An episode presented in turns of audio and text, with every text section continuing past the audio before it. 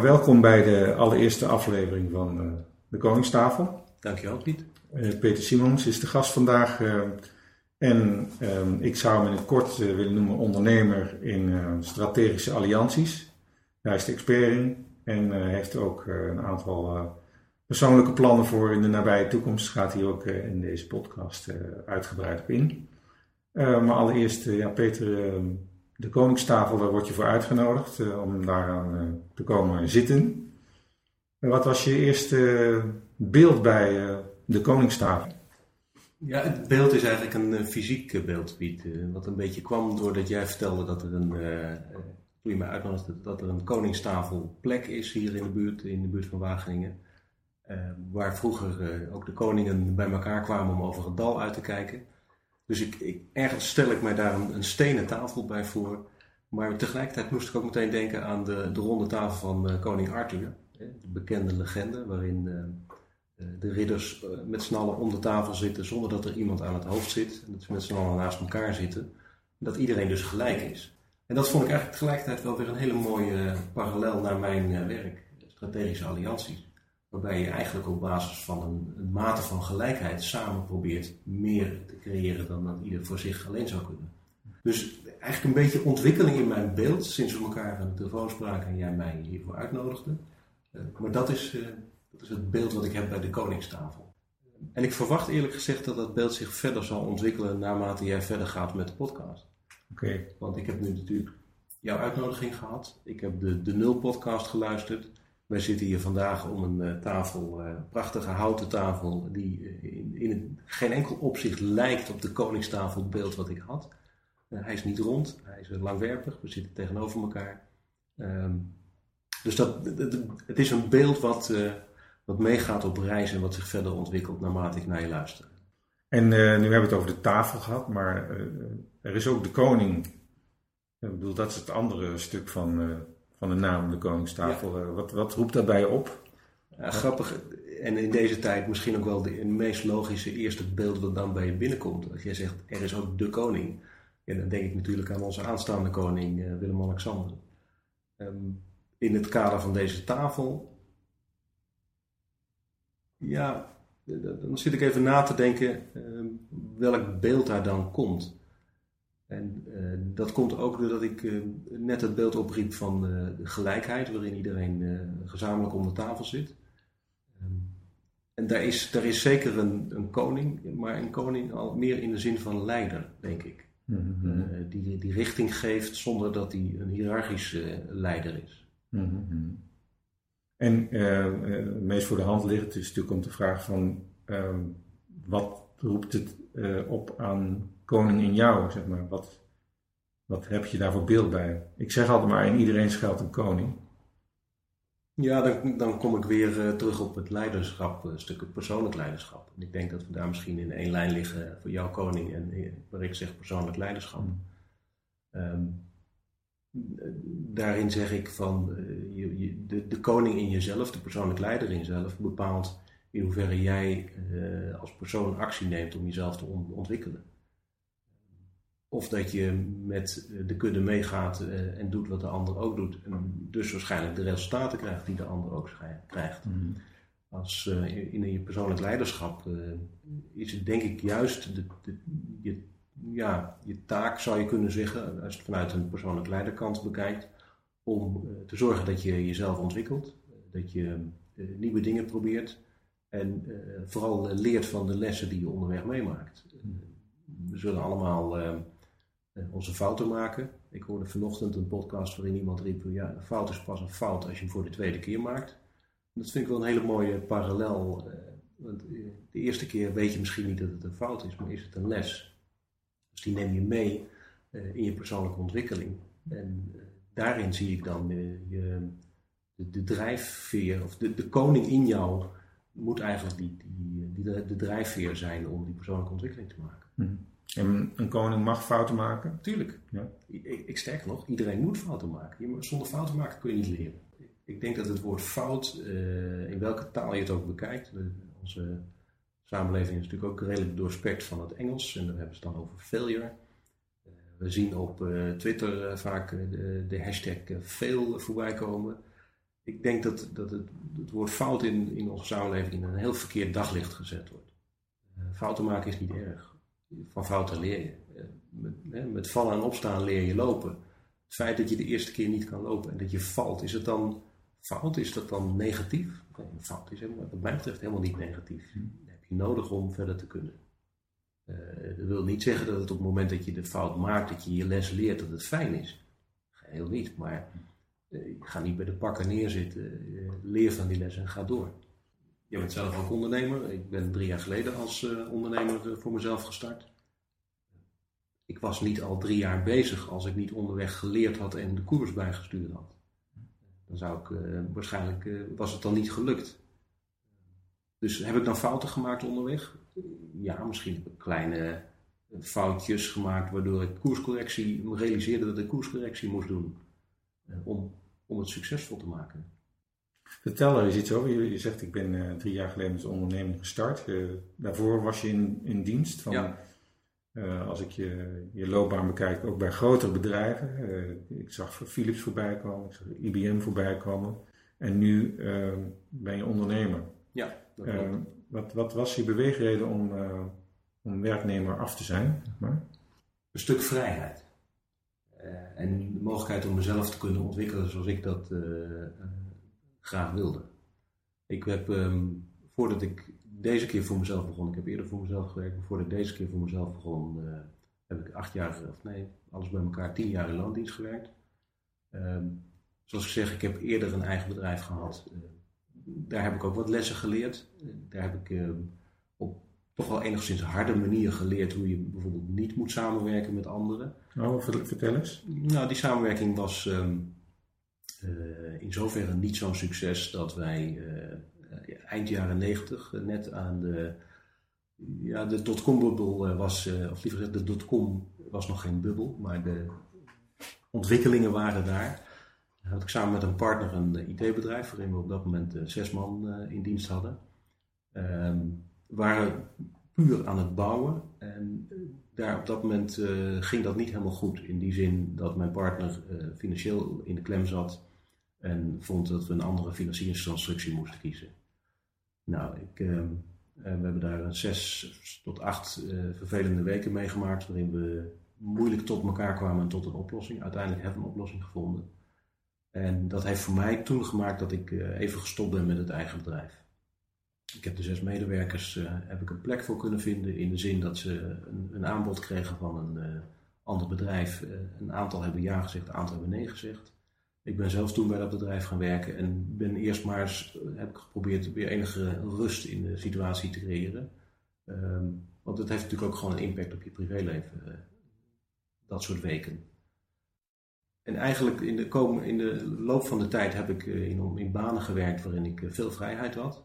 Want ik weet dat dat voor mij belangrijk is om mezelf te kunnen ontwikkelen en om te kunnen excelleren, zeg maar, voor het bedrijf waar ik voor werk of, of voor mezelf. Heb ik die ruimte, die heb ik uh, nodig. En uh, ik heb dus acht jaar binnen Philips gewerkt, sorry, binnen IBM gewerkt in het Philips team. Dus ik had eigenlijk maar één klant en dat was het grote bedrijf Philips, wereldwijd. Ik heb het eerste deel van die periode heb ik Philips Healthcare als klant ontwikkeld. En vervolgens ben ik verantwoordelijk geworden voor de samenwerking tussen Philips en IBM. En wat, wat deed je daar dan? Want het is moeilijk voor mij om het voor te stellen. Ja, ik had Philips als klant, maar wat, wat was je. Wat, wat, wat deed je? In het eerste stuk met Philips Healthcare als klant. Uh, Philips Healthcare was eigenlijk niet of nauwelijks een klant van IBM. En toen ik daar uh, binnenkwam en dus die, uh, die opdracht eigenlijk kreeg om die klant te ontwikkelen voor IBM, ben ik dus inderdaad gaan kijken van ja, wat doen wij met Philips Healthcare? Wat doet Philips Healthcare uh, op het gebied waar IBM actief is? Wat op dat moment nog vrij zwaar IT was. Later, na de overname van uh, PricewaterhouseCoopers, is de focus meer en meer richting de, de businesskant van het bedrijf gegaan. Maar op dat moment was die focus vrij zwaar IT. En ben ik gaan kijken van ja, waar, waarvan is ruimte binnen Philips Healthcare, toen nog heette het nog Philips Medical, om zaken te doen met, met IBM. En dat was niet even eenvoudig, want traditioneel gesproken zou je bij de CIO gaan praten. Maar de CIO wilde me ontvangen en gaf me een kop koffie. Nou, de korte versie van het gesprek was ongeveer dat ik mijn koffie moest, mocht opdrinken en dan maar eens een jaar later terug moest komen. Want hij was bezig met een groot project waarin hij geen tijd had om over andere leveranciers na te denken.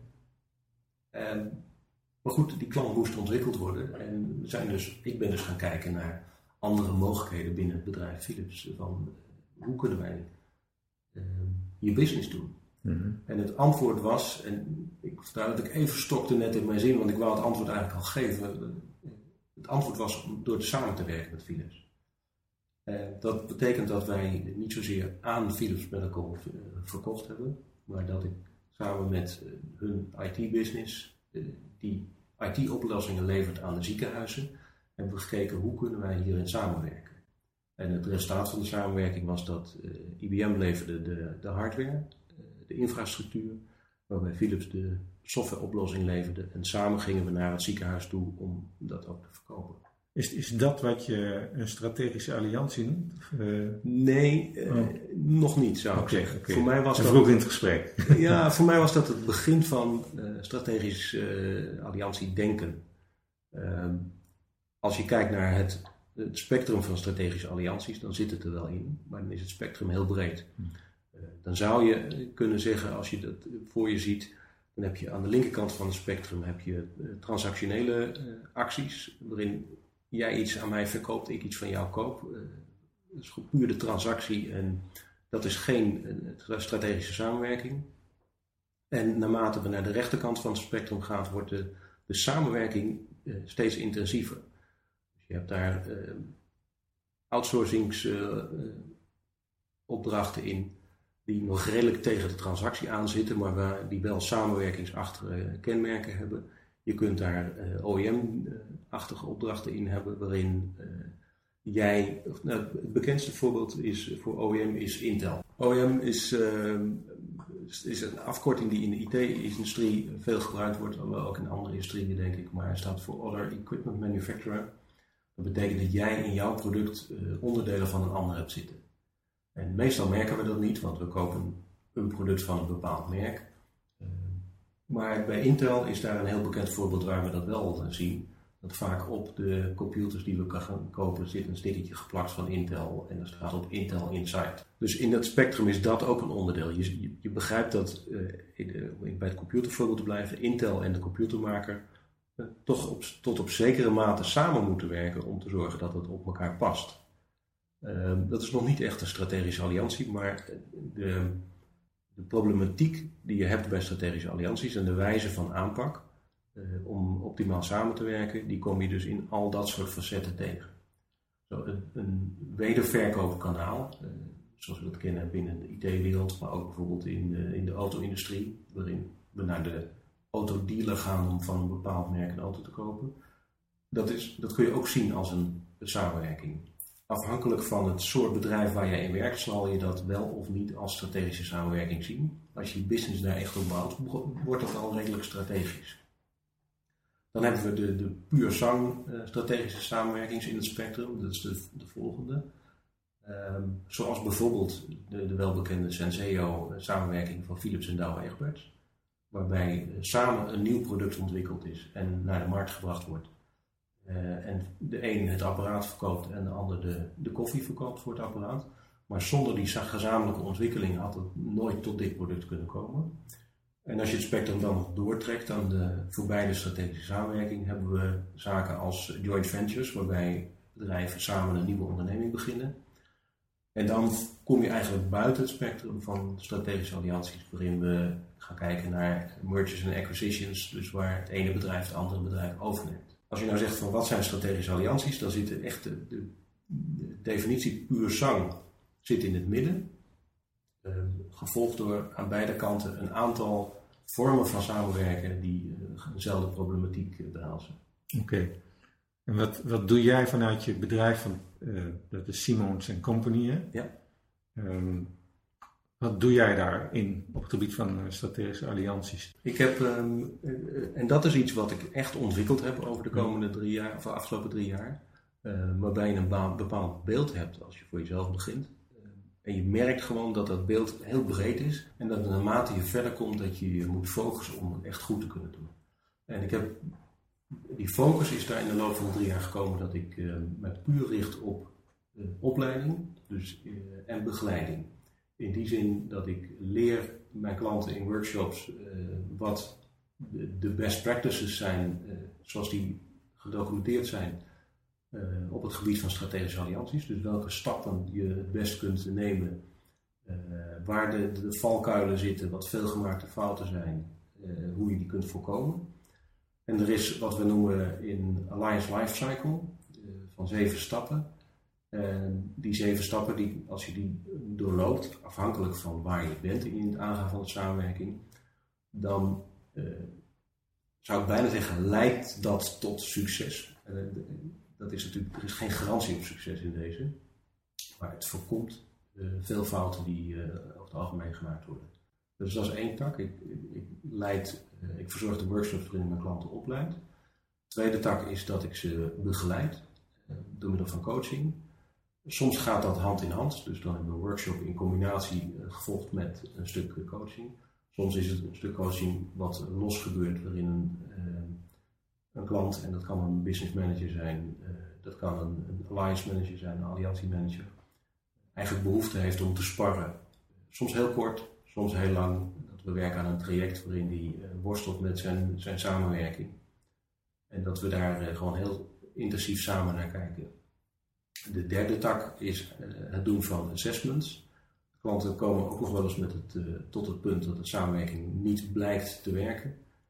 Dan hebben ze het zelf eerst geprobeerd, dan komen ze er niet uit. En dan komen ze ook bij mij en zeggen ze van, kun je ons helpen, kun je in deze kijken naar deze samenwerking we vinden hem belangrijk, we willen eigenlijk verder, maar we weten niet zo goed hoe. Uh, en dan doen we dus een assessment, ga kijken hoe die samenwerking in elkaar zit, uh, kijken waar de schoen wringt. En dan kom ik met een uh, advies om te kijken of, of, om daar verbetering in te brengen. Wat maakt dat, dat jij dat zo leuk vindt, die, die samenwerking bevorderen? Ik vind het geweldig als mensen succes behalen op basis van het werk wat wij samen gedaan hebben. Dus dat is enerzijds eh, de, de, de voeding. Ik, ik, krijg er eh, redelijk veel voldoening uit als ik merk dat wij eh, gesprek gehad hebben en ik zie dat mijn gesprekspartner in de loop der tijd acties onderneemt en de richting inzet die we succesvol zouden kunnen noemen. en ik herken acties die we besproken hebben, dat ik denk van ja, ik heb daar toegevoegde waarde. Ehm, en ik vind het hartstikke mooi als, ik het anders zeggen, ik, ik ben er nog steeds van overtuigd dat we met, door samenwerken meer kunnen bereiken dan we alleen kunnen bereiken. We komen uit een tijd, uh, nou, tot en met, uh, ik denk zo halverwege jaren negentig, waarin zeker de grote bedrijven zoals Philips en IBM het allemaal wel zelf konden. we zeggen dan ook wel eens dat ze last hebben van het not invented here syndrome. Dus als het niet hier uitgevonden was, dan was het niet goed. Ze konden alles zelf, ze deden alles zelf, maar we hebben, we hebben een, een tijd doorgemaakt waarin we nu veel efficiënter dingen elders kunnen doen dan dat we het altijd zelf kunnen doen. En los van de tijd ben ik ervan overtuigd dat uh, wij samen weten meer dan ik alleen. Mhm. En als we die kennis kunnen bundelen, dan kunnen we tot dingen komen waarvan jij nu misschien nog niet kunt uh, bevroeden dat ze er zijn. Ik kan dat nog niet uh, bedenken. Maar juist doordat wij gaan lopen brainstormen en elkaar op nieuwe ideeën brengen, komen we tot iets groters dan dat we ieder voor zich ooit zouden kunnen halen. En daar gaat het je om? Om dat tot iets groters komen? Niet zozeer iets groters, maar eh, het, het efficiënter ehm, eh, tot succes komen, tot mooier succes. Ja, dat vind ik, eh, dat vind ik heel mooi. Waar komt dat vandaan? Goeie vraag, weet ik niet. Ja. Want dat, dit, dit, gaat over je werk en, en, ik zie natuurlijk tegenover de persoon Peter. En uh, ja, die, uh, die heeft uh, waarschijnlijk in zijn leven dingen meegemaakt, ervaringen gehad die ervoor zorgen dat je daar nu mee bezig bent. Wat voor boodschap heb je meegekregen vanuit huis?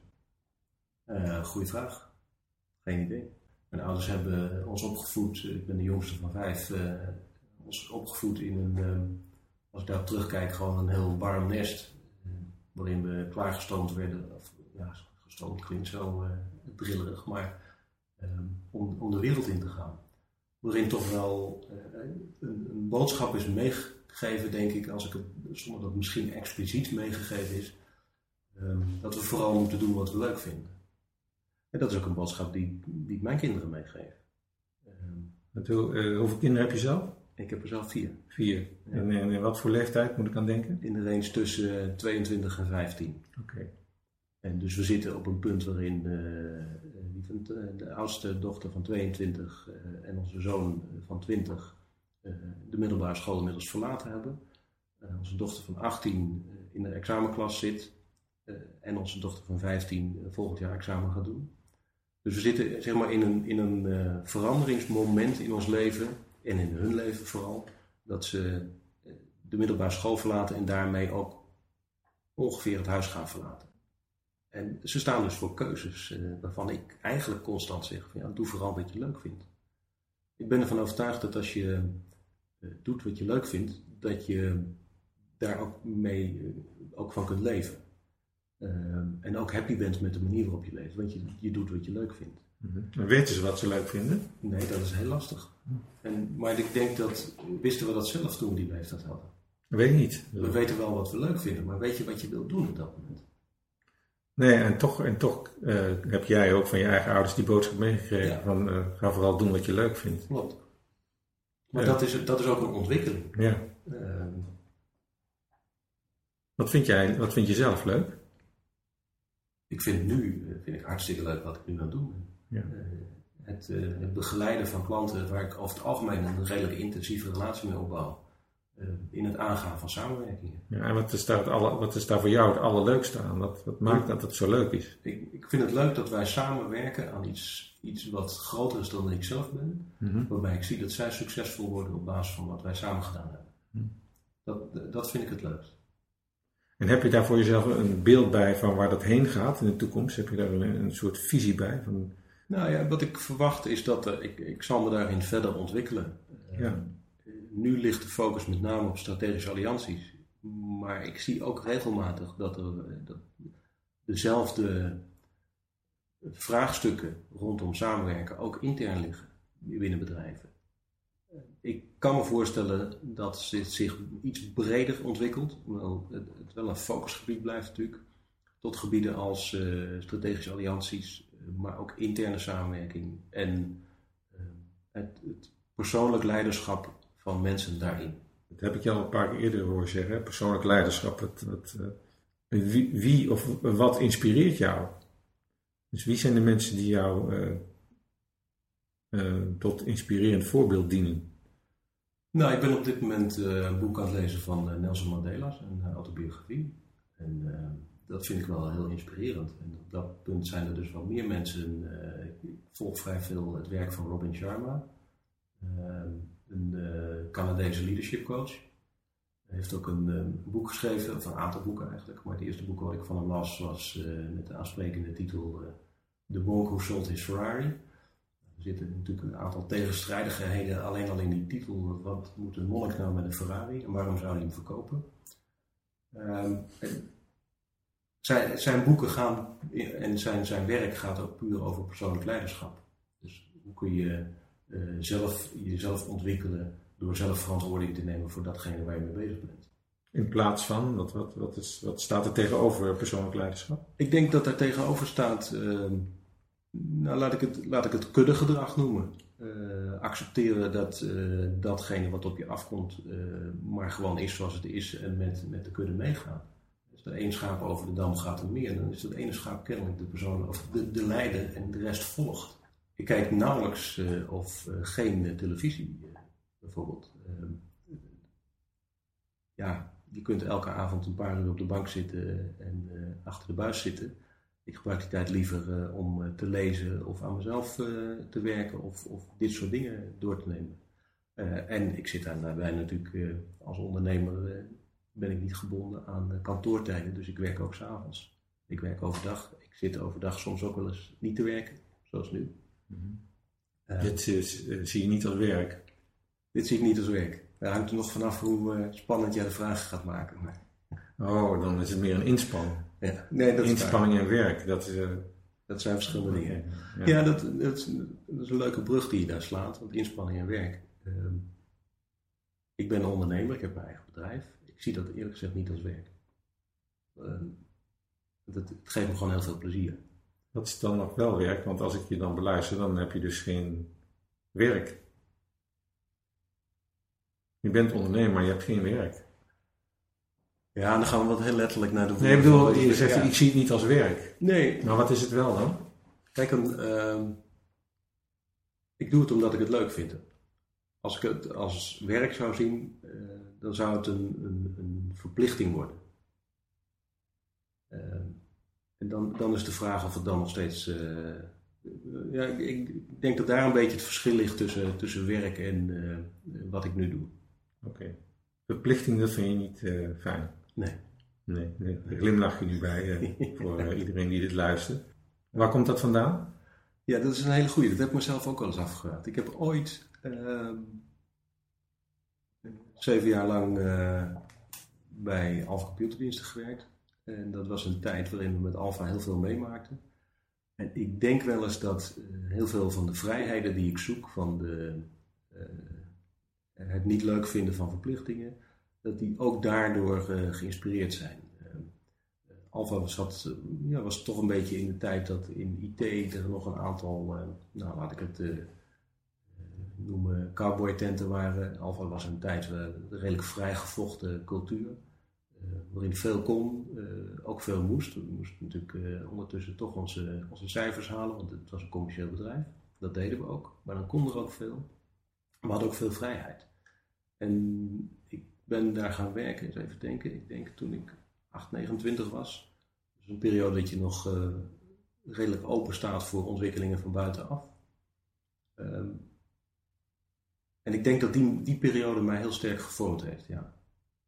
Dat daar voor een deel ook wel eh, dit soort eh, dingen vandaan komen. Mijn, mijn behoefte aan vrijheid, maar ook met behoefte aan vrijheid dat ik niet zo hou van de verplichtingen die eh, aan de andere kant soms bestaan. En wat gebeurt er dan met je? Wat laat je dan zien als je verplicht dingen moet doen? Wat, wat gebeurt er met je gedrag? Nou, ik weet niet of ik wat laat zien, maar het hangt een beetje van het, van het verplicht af wat er moet gebeuren. Ik eh, merk bij mezelf dat, ik, dat dat niet het eerste is wat ik oppak dan. Het is een beetje, er komt dan soms een beetje uitstelgedrag. En dan word je laks of zo, apathisch? Of, Nee, eh, maar dan zijn er opeens andere dingen die veel belangrijker zijn. Oké. En dat heb je nu eh, als ondernemer niet? Nou, Uitstelgedrag? je kunt, eh, nee. Eh, en er zijn wat dingen die natuurlijk toch steeds ook als ondernemer verplicht zijn, maar soms kun je die dingen dan wat makkelijker regelen. Ik bedoel, onze vrienden van de belasting is natuurlijk een verplicht nummer. Het komt elk kwartaal, komt daar eh, de btw-aangifte weer. En ik heb meteen, eh, toen ik voor mezelf begon, gezegd, eh, nou, ik weet dat ik dat soort dingen best kan, eh, maar die hele boekhouding, inclusief de btw-aangifte, die ga ik meteen uitbesteden. Dus dat is een vorm van verplichting, waar ik dus nu wel op een andere manier mee omga. Ja. Ehm, ik zit even te kijken, daar hadden we het net over kinderen. eh, die, die probeer je lessen mee te geven, dat ze vooral eh, eh, doen wat ze leuk vinden. eh, dat ze dat nog best wel lastig vinden, zeg je zelf ook, om te ontdekken wat ze leuk vinden. Ehm, wat voor vader ben je? Ja, Want- die vraag moet je eigenlijk aan hun stellen. Ja, die, dat zou de volgende vraag geweest zijn. maar hoe zie je jezelf als vader? Ook, ook als onderdeel van persoonlijk leiderschap. Ehm, nou, ik denk dat ik een vader ben die, eh, die daar is voor de kinderen. Ehm, zowel in eh, zeg maar ongevraagd advies als in luisteren door. Ehm, en dat ze daar, eh, ja, daar maken ze ook regelmatig gebruik van. Eh, daar, daar bellen ze, dus ze komen bij me, ze vragen me dingen. ze, ja, ik zie mezelf eigenlijk onderhand meer als, als sparringpartner voor ze dan ehm, dat ik nog de opvoedende vader ben. Eh, en als sparringpartner ja, geef ik af en toe eens wat, probeer ik eens wat richting te geven. Maar goed, het zijn volwassen, zeker bijna volwassen mensen, die ook zelf een richting moeten bepalen. Ik denk dat dat belangrijk is. En, en zo probeer ik daarvoor als vader zijn eh, wel in te sturen. Ik denk dat als je, nou zeg tien jaar terugkijkt, dan zaten ze natuurlijk in een hele andere fase in hun leven. Dat zat ik zelf overigens ook. En dan ben je, denk ik, als, als ouder meer directief. Uh, op dit moment ben, is, is die directiegevende uh, vader is, is weg en sta ik meer naast ze en uh, ga ik samen, trek ik samen met ze op. Een soort strategische alliantie eigenlijk. Ja. ja. ja. Zo zou je dit kunnen zien. Toch? Dan staat ook niet de ene partij boven de andere. Nee, klopt. Ja. En hoe zouden zij jou schetsen, als ik die vraag aan hen stel? Wat denk je dat ze zullen zeggen? Ja, nou, ik denk dat je soortgelijke uh, opmerkingen krijgt. Als... Is er nooit strijd geweest? Strijd in welk opzicht? Over wat dan ook? Ja, natuurlijk. Kijk, uh, wij zelf, maar ook onze kinderen, maken in hun tiende jaar een periode tegen mee waar ze zich proberen wat vrij te vechten. Um, en dat hoort bij ontwikkeling. Uh, en dan, maar strijd vind ik dan een groot woord. Dan zijn er momenten waarin, nou ja, laten we het meest simpele voorbeeld nemen wat je kunt bedenken. Uh, waarin wij als ouders vinden dat het tijdens dat een kind naar bed gaat en het kind zelf is het er niet mee eens. Uh, heb je dan strijd? Nee. Dat zijn normale strubbelingetjes in een, in een opvoeding. Gooien ze wel eens de kop dwars, of hebben ze dat wel eens gedaan in hun tiende jaren? Ja, natuurlijk hebben we zelf denk ik ook gedaan. Mm. Dat is voor ons wat langer geleden, maar mm -hmm. dus die, die herinnering zal wat vervaagd zijn.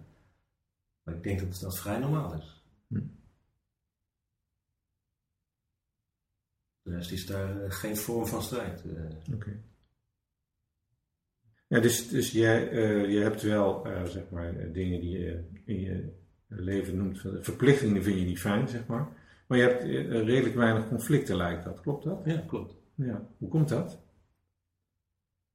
Goeie vraag. Ja, um, ja wat, weet ik niet. Wat is de zin van conflicten? Dat zou een les kunnen zijn. Ja. Dat je, als je een conflict aangaat, dat je, dat je na dat conflict denkt van, uh, en, en nu heb ik iets geleerd.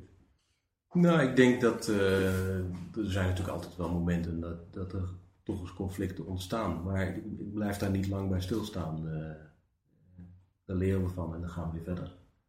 Maar je noemde bijvoorbeeld, ja, je, je, bent, je hebt eerder een ondernemer, onderneming gehad samen met een andere partner. Was dat een conflict? Ja, die acht weken die waren, die, dat, aan het begin van de acht weken zeg maar, hadden we een conflict. En dat heeft de acht weken doorgeduurd voordat we dat opgelost hadden. En je zegt we opgelost, is het ook echt een we-oplossing geweest? Of ben jij daar nee, dat, in geweest? Dat is een we-oplossing geweest in de zin dat we daar toen een bemiddelaar bij betrokken hebben uh, die heel goed werk gedaan heeft en uh, de zaak uh, voor beide tevredenheid opgelost heeft. Okay. Dus op een of andere manier weet je heel goed, als er al conflicten zijn, weet je ze heel goed ja, te, te managen. Zeg maar. Ja. Ja, wat dat betreft, als er al conflicten zijn, dan denk ik, van, dan wordt het, is het zaak om dat snel weg te managen. Wordt het ook de andere als een kwaliteit gezien? Weet ik niet. Weet je niet. Wat zijn je kwaliteiten? Nou, ik denk dat ik uh, open en transparant ben. Uh, wat dat betreft uh, maak van mijn hart geen moordkuil, dus ik zeg ook wel waar het op staat. Ik blijf niet te lang rondlopen met dingen die, die me niet zinnen. Dus conflicten worden dan, als, als dat conflicten zouden ook kunnen worden, in een kiem gesmoord. Um, geen verborgen agenda's dus. pas bij het open, de openheid. En ik denk dat ik, um, denk ik, ik heb gewoon ook oprecht belangstelling voor de ander. En ja, ook in het samenwerken, ik probeer anderen ook altijd uh, te matchen. Als ik uh, zie dat, dat, jij op zoek bent naar, een, nou, laten we het even bij deze koningstafel houden. Als jij op zoek zou zijn naar een volgende spreker, wat je ongetwijfeld bent, en ik loop iemand tegen het lijf van ik denk van, nou, dat is een goede kandidaat voor Piet dan zal ik dat proactief zal ik dat, uh, opzoeken. Ik sprak laatst iemand die zei dat het misschien tijd was voor verandering van een baan. Nou, misschien weet ik nog wel wat. Uh, dus ik, ik, ik mix en match daar uh, proactief mensen en, en koppel mensen, omdat ik ja, het mooi vind om, ja, er komt weer het samenwerken uit. Mm -hmm. Van één en één meer dan twee te maken. Okay. Nu ben ik zelf altijd heel erg uh, uh, geïnteresseerd in, uh, in het verborgen potentieel van mensen. Dus de kwaliteiten die nog sluimeren. Ja. Vulkanen die nog lopen te sudderen, die nog moeten uitbarsten. En dan begin je heel erg te lachen. Ja. te lachen, herkenbaar bij te knikken. Ja, er zijn een aantal mensen in mijn omgeving die zeggen dat ik mijn volledige potentieel nog niet aangesproken heb. Oh, en op basis waarvan zeggen ze dat? Waarschijnlijk op basis van het feit dat ik misschien mezelf in de weg zit of dat ik te, bescheiden ben over mezelf. En dat zijn twee totaal verschillende dingen. In die zin dat ik, ik realiseer me, en daar ben ik eh, de afgelopen maanden wel eh, aan begonnen in mijn werk ook, dat ik zelf de bottleneck ben in mijn werk, zeg maar. Dus wil ik kunnen groeien uh, in het werk buiten wat ik nu doe, dan, dan moet ik aan die bottleneck werken. En ik bedoel met bottleneck dat als zelfstandig ondernemer moet je alles zelf doen. In die zin, je moet aan business development doen, je moet aan uh, delivery doen, dus het, het, leveren van je diensten. Uh, je moet ook nog aan ontwikkeling van je eigen kennis doen, ontwikkeling van nieuwe producten. En dat alles terwijl je toch maar 7 dagen, 24 uur in de week hebt. En daar binnen moeten ook nog andere dingen gedaan worden. Dus je zit jezelf eigenlijk een beetje in de weg. En een mooi voorbeeld daarin is, uh, vorige week was ik de hele week in, uh, in Orlando op een conferentie van de Association of Strategic Alliance Professionals, dus de, de 340 soortgenoten, alliantie-liefhebbers, alliantie-mensen zaten we bij elkaar. ik heb daar aan het begin van de week een workshop gegeven. Ik heb gisteren een hele dag een workshop gegeven voor een klant. Ik was dus de week voordat ik naar Orlando ging, was ik bezig met het voorbereiden van die workshops. Ehm, dus in, in, in die nulweek, zeg, zeg maar, om het even zo te noemen, was ik bezig met het voorbereiden van workshop voor week 1 en voor week 2. Terwijl ik, als ik niet mijn eigen bottleneck was, alweer bezig had moeten zijn om te zorgen dat er na week 2 eh, weer de volgende workshop of andere opdracht aankomt. Dus dat is, eh, daarmee zit je, je kunt jezelf je bent eigenlijk een serieel proces doordat je daar zelf alleen in zit. Je kunt het niet paralleliseren waardoor je dingen naast elkaar kunt doen. Nou, ik ben in zoverre daar aan het werken dat ik heb uh, eind vorig jaar gezocht en gevonden een assistente die op dit moment een uh, viertal uren voor mij in de week werkt, dus een virtual assistant. We spreken elkaar één keer uh, in de week via een videoconference. Dan nemen we de week door. en ik moet mezelf dwingen om regelmatig weer na te denken van, moet ik dit zelf doen of kan Florien, mijn assistente, dat voor mij doen? Kijk, en qua persoonlijke ontwikkeling uh, ben ik ook wel heel bewust bezig. In de zin dat ik, ik noemde er straks, ik lees veel. Ik ben, uh, zit in het programma van Robin Sharma op dit moment. Ik heb eerder dit jaar een dag doorgebracht met een uh, business coach. Dus dat was ook voor mezelf om de spiegel voor te houden van hoe ziet die ontwikkeling van die business, maar hoe ziet vooral ik daar als persoon in. Ja. En ik ben uh, lid geworden van een tweetal netwerken. Uh, de maatschappij, is het oudste netwerk van Nederland. Sinds, uh, ik geloof, ik wil er niet een jaar naast zitten, maar ik dacht 1777. Um, en dat is een heel interessant netwerk wat zich richt op de as bedrijfsleven, overheid en kennisinstituten, onderwijs. Waardoor je dus eigenlijk met heel veel mensen spreekt, het is een actief netwerk, heel veel mensen spreekt die je normaal niet zo snel uh, zal ontmoeten als je je puur alleen op je business blijft uh, richten. En dat geeft gewoon een nieuwe dynamiek, een nieuwe ontwikkeling. Daar zitten bedrijfsbezoeken bij, daar zitten wekelijkse borrels bij. het eerste bedrijfsbezoek wat ik heb mogen meemaken uh, was aan de rechtbank in Amsterdam. Nou ja, ik ben daar nog nooit geweest, überhaupt bij een rechtbank. En misschien is dat ook wel prima. Maar het was heel interessant om dan gewoon op die manier daar zo'n rondleiding te kijken en een, een, stuk te leren over iets wat je normaal gesproken niet in het dagelijks leven, tenminste ik niet in het dagelijks leven uh, tegenkom. Een tweede netwerk waar ik uh, nu net lid van geworden ben, is de Industriële Grote Club in Amsterdam.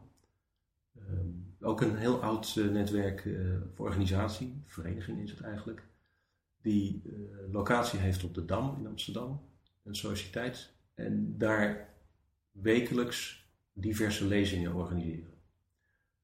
Heel breed, van uh, IT tot geschiedenis, tot uh, mensen uit het bedrijfsleven die een, presentatie komen houden. Uh, plus dat daar dan de borrels en de mogelijkheid tot dineren is. Dus ik verwacht daar in die zin veel van dat ik nu al op programma heb, dingen heb zien staan waarvan ik denk van nou, dat vind ik interessant, daar ga ik heen. En dat varieert voor mij inderdaad van uh, de topman van KPN komt binnenkort praten. Ik denk van, nou, dat vind ik interessant. Uh, er zitten wat geschiedeniselementen in, uh, wat ik ook altijd wel heel interessant vind. Dus de, ja, die geschiedenistafel wil ik ook wel heen. Ik denk ergens bij mezelf van, nou, als ik straks mijn Camino naar Santiago gelopen heb, dan wil ik daar zelf ook wel eens een verhaal houden over uh, wat ik meegemaakt heb onderweg en wat het mij gebracht heeft. Dus, ja, meteen een mooie brug hè, naar de Camino. Ja.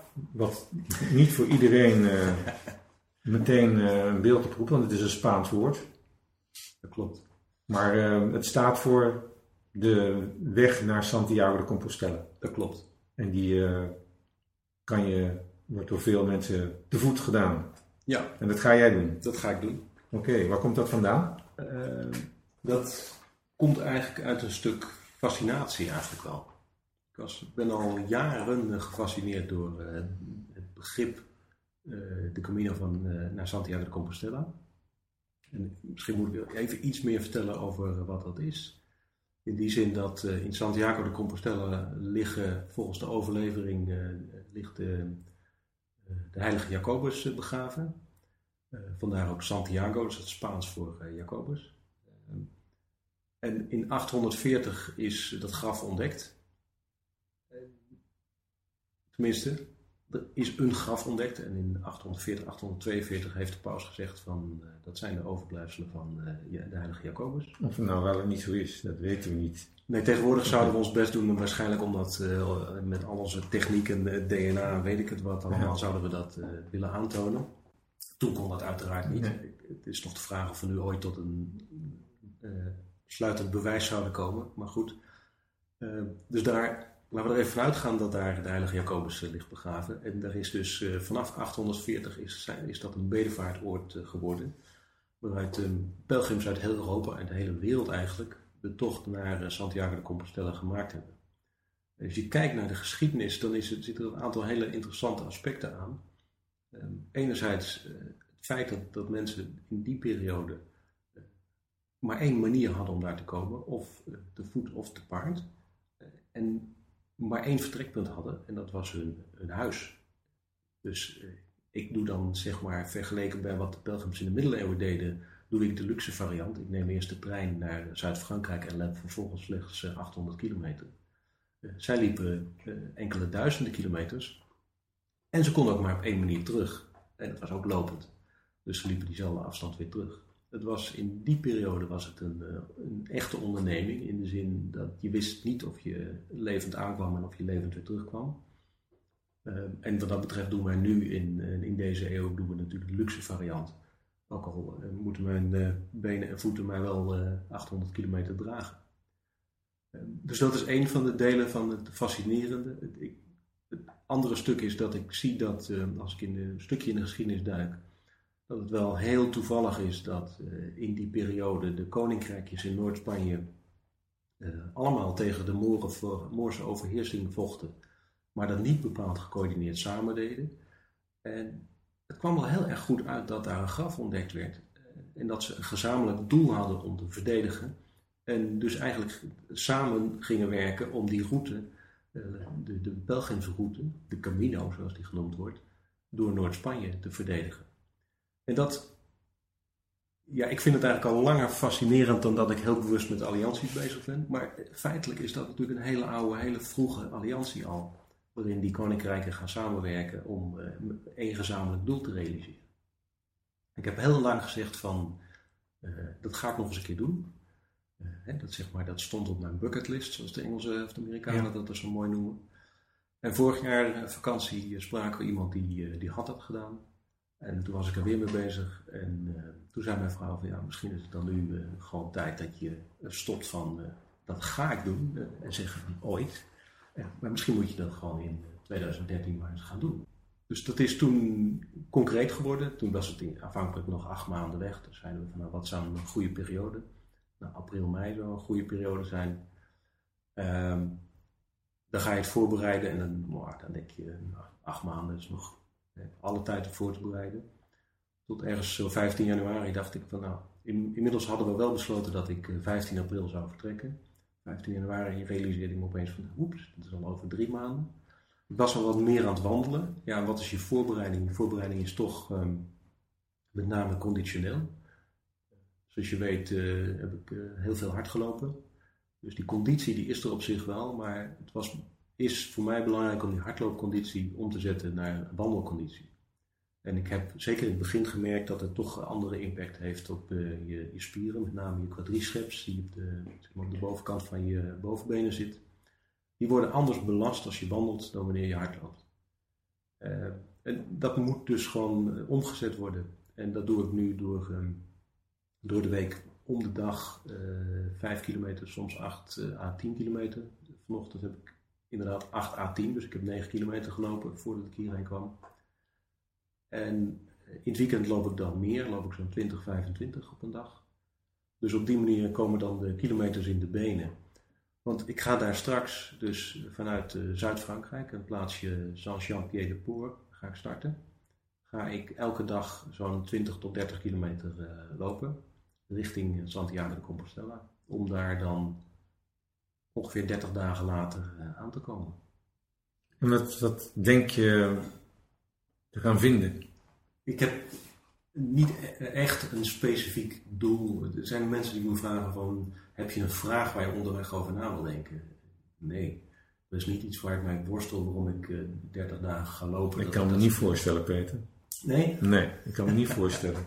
Ik, dat zeg je wel heel keurig, maar ik, ik denk dat er een vraag is die, ja, die, misschien dient die zich nog aan, maar dat er wel degelijk een vraag in jou huist. Nou, dat, dat zou kunnen. Dan, dan gaan we dat merken als die zich nog aandient. Ik zou niet weten wat het zou kunnen zijn. Nee. Nee. Dus maar je staat er wel voor open, neem ik aan. Ik sta open voor die reis om te kijken wat uh, in de zin. Ik, ik, sta open voor wat er gaat gebeuren. Uh, ik, ik, verwacht daar het nodige te leren. Uh, waarschijnlijk over mezelf. Misschien over een stuk uh, persoonlijk leiderschap, toegespitst op mezelf. Ehm, Natuurlijk ga ik dingen leren over de omgeving en genieten van de omgeving en genieten van alles wat ik tegenkom. Ik ga leren over andere pelgrims, want ik, uh, ik loop hem alleen. Maar vanuit de plaats waar ik start, starten in april uh, per dag zo'n 10 tot 20 uh, pelgrims. Dus je loopt de Camino nooit helemaal alleen. Het schijnt wel heel gebruikelijk te zijn dat je, als het klikt, dat je even een tijdje met iemand oploopt. Maar dat men ook net zo makkelijk is dat ze zeggen van nou, ik loop nu graag uh, weer even verder alleen. Of dat je s'morgens gewoon zegt, jongens, uh, ik vind het hartstikke leuk met jullie, maar vandaag wil ik alleen lopen. En ik ben van plan om in die en die plaats uh, te overnachten. Zie ik jullie daar? Dus dat gaan we dan zien. Hmm. Um, en je kunt er deelgenoot van worden terwijl ik onderweg ben. Oh, vertel eens. Nou, ik ga uh, een project starten. Dat, het idee daarvan ga ik op 25 maart in mijn nieuwsbrief wereldkundig maken. Maar ik zal jou en jouw luisteraars vast een tipje van de sluier oplichten. Ik, heb, ik ga een boek schrijven over mijn ervaringen op de Camino. Um, en dat boek dat ga ik al te koop aanbieden voordat ik überhaupt wegga. Dus vanaf 25 maart is dat te koop. Dat betekent dat als koper weet je eigenlijk nog niet wat je koopt, want ik weet nog niet wat ik ga schrijven.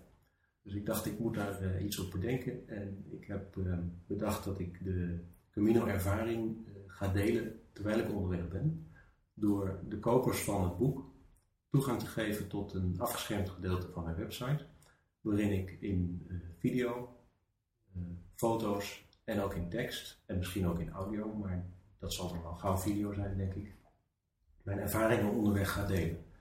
Dat kunnen uh, lange lampen tekst zijn, dat kunnen overwegingen zijn, dat kunnen foto's zijn van de omgeving. Dat kunnen hele korte snippets, video zijn. Waarin ik zeg, moet je nou eens kijken voor wat iets moois ik hier zie. Ik sprak vorige week een Amerikaan die zei van na drie weken wil ik niet uh, alle blaren op je voeten zien op de video. Nou, dat, dat zal ik ook niet zo snel uh, laten zien, denk ik. Ik ben ook van plan om geen blaren te krijgen. Waarvan sommige mensen zeggen, die krijg je wel. Sprak laatst iemand die had 2800 kilometer gelopen en die had ze ook niet. Dus daar gaan we wel merken. Maar dat is het project wat ik op 25 maart ga uh, lanceren, waarin iedereen dus uh, kan participeren. Gezien het feit dat ik uh, in het verleden veel internationaal gewerkt heb, een groot internationaal netwerk heb en zelf ook nog nu Europa als werkgebied heb, zal die correspondentie en ook de video's wel in het Engels zijn. Alle details komen op uh, de Camino-pagina op mijn website. Dus dat is uh, www.simons.com slash Camino.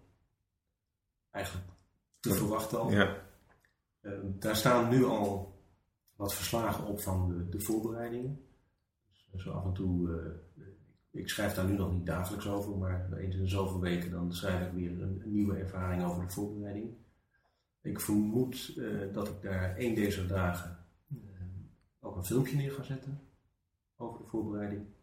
Want ik ga vanmiddag eh, nog even wat inkopen doen. Ja, er komen toch wat dingen bij die je nodig hebt die je in het dagelijks leven niet gebruikt. Ik loop niet dagelijks met een rugzak, uh, met al mijn bagage in mijn, rug, in mijn rugzak. Dus ik ga vanmiddag een rugzak kopen. Mooi ritueel. Ja. ja. Dus dat gaan we dan, uh, ik ben ook van plan om dat op een video te gaan delen. Dus die, die, dat wordt een van de eerste video's daar.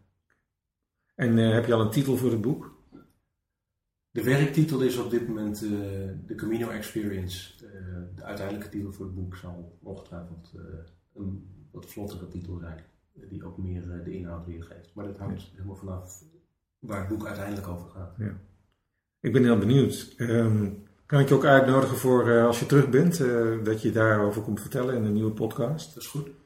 Dat zal dan zo ongeveer eind mei, half juni zijn, denk ik, in die periode. Uh, Als ik goed reken. Ja, eind mei ben ik terug. Dan heb ik uh, sowieso al een aantal uh, projecten staan. Dus dan denk ik, denk ik dat we half juni daar zo over moeten praten. Okay. Ja. Nou, lijkt me fijn. Um, ik had je gevraagd een, een voorwerp mee te nemen. Um, waar jij veel betekenis aan hecht in jouw leven, werk, relaties. En dat kan eigenlijk van alles zijn. En ik uh, ben benieuwd naar wat je hebt meegenomen. Ja, ik zag die vraag en ik moest daar even over nadenken. Is er nou een voorwerp, één enkel voorwerp waar ik veel waarde aan hecht? En je noemde een aantal uh, voorbeelden. Uh, je noemde er een foto, muziek of video. Ik dacht ik, ja, muziek. Als ik kijk naar mijn leven, dan zijn er toch wel een aantal momenten dat bepaalde artiesten of bepaalde nummers ja, even een belangrijke rol spelen en blijvend zijn. Als uh, tiener was dat uh, Queen, uh, als 20, 30er was dat uh, Toto. allemaal, dat, ja, dat begon al eind tienerjaren, denk ik. Foreplay met zijn forte. Dus je ziet dat ik wat van de melodische rock, als je het zo mag noemen, doorgaan richting de jazz. Op dit moment is dat voor mij echt jazz. Diane Kroll heeft daar heel lang in gezeten met één specifiek nummer. Um, en het nummer van uh, Diane Kroll, dat is uh, Pick Yourself Up. Dat is ooit in 1936 al geschreven voor uh, een andere artiest. En Diane heeft dat ergens eind jaren 90 heeft ze opgenomen. En dat is, ik, luister over het algemeen, realiseer ik me niet zo heel erg vaak naar tekst van muziek. Ik kijk meer naar de totale compositie. Maar dit is een nummer, daar is de tekst ook heel toepasselijk van. En dat past ook wel een beetje bij wat we eerder al bespraken. Over fouten en, en lessen.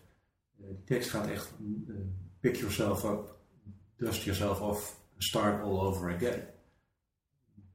En dat vind ik wel heel typerend. dat is denk ik ook voor mij typerend. Dat ik niet al te lang stil blijf staan bij dingen die fout gaan. Ik leer ervan, pak mezelf op, stof mezelf af en ik ga weer door. Dus zij bezingt uh, jouw levensmotto. Ja. Zullen we naar luisteren? Is goed.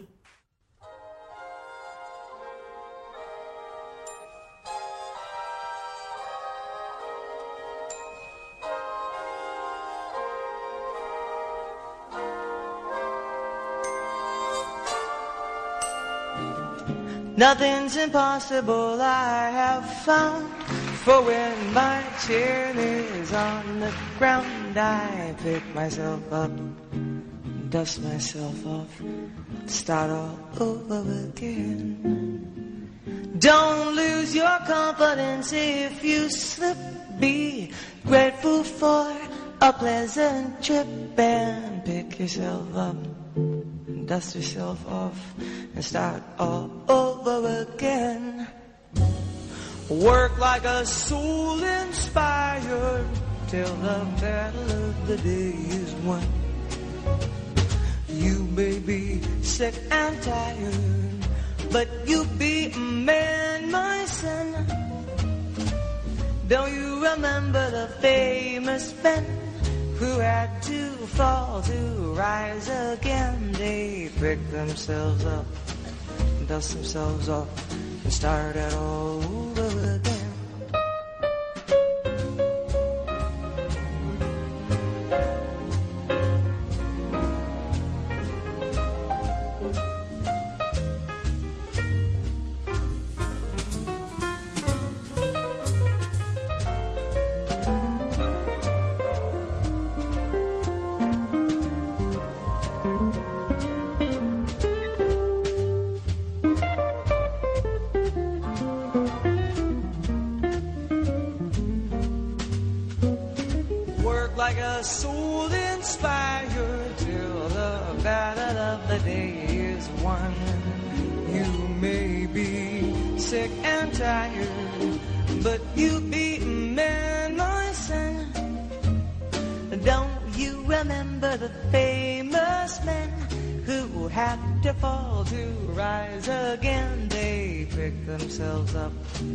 dust themselves off, and start it all over again.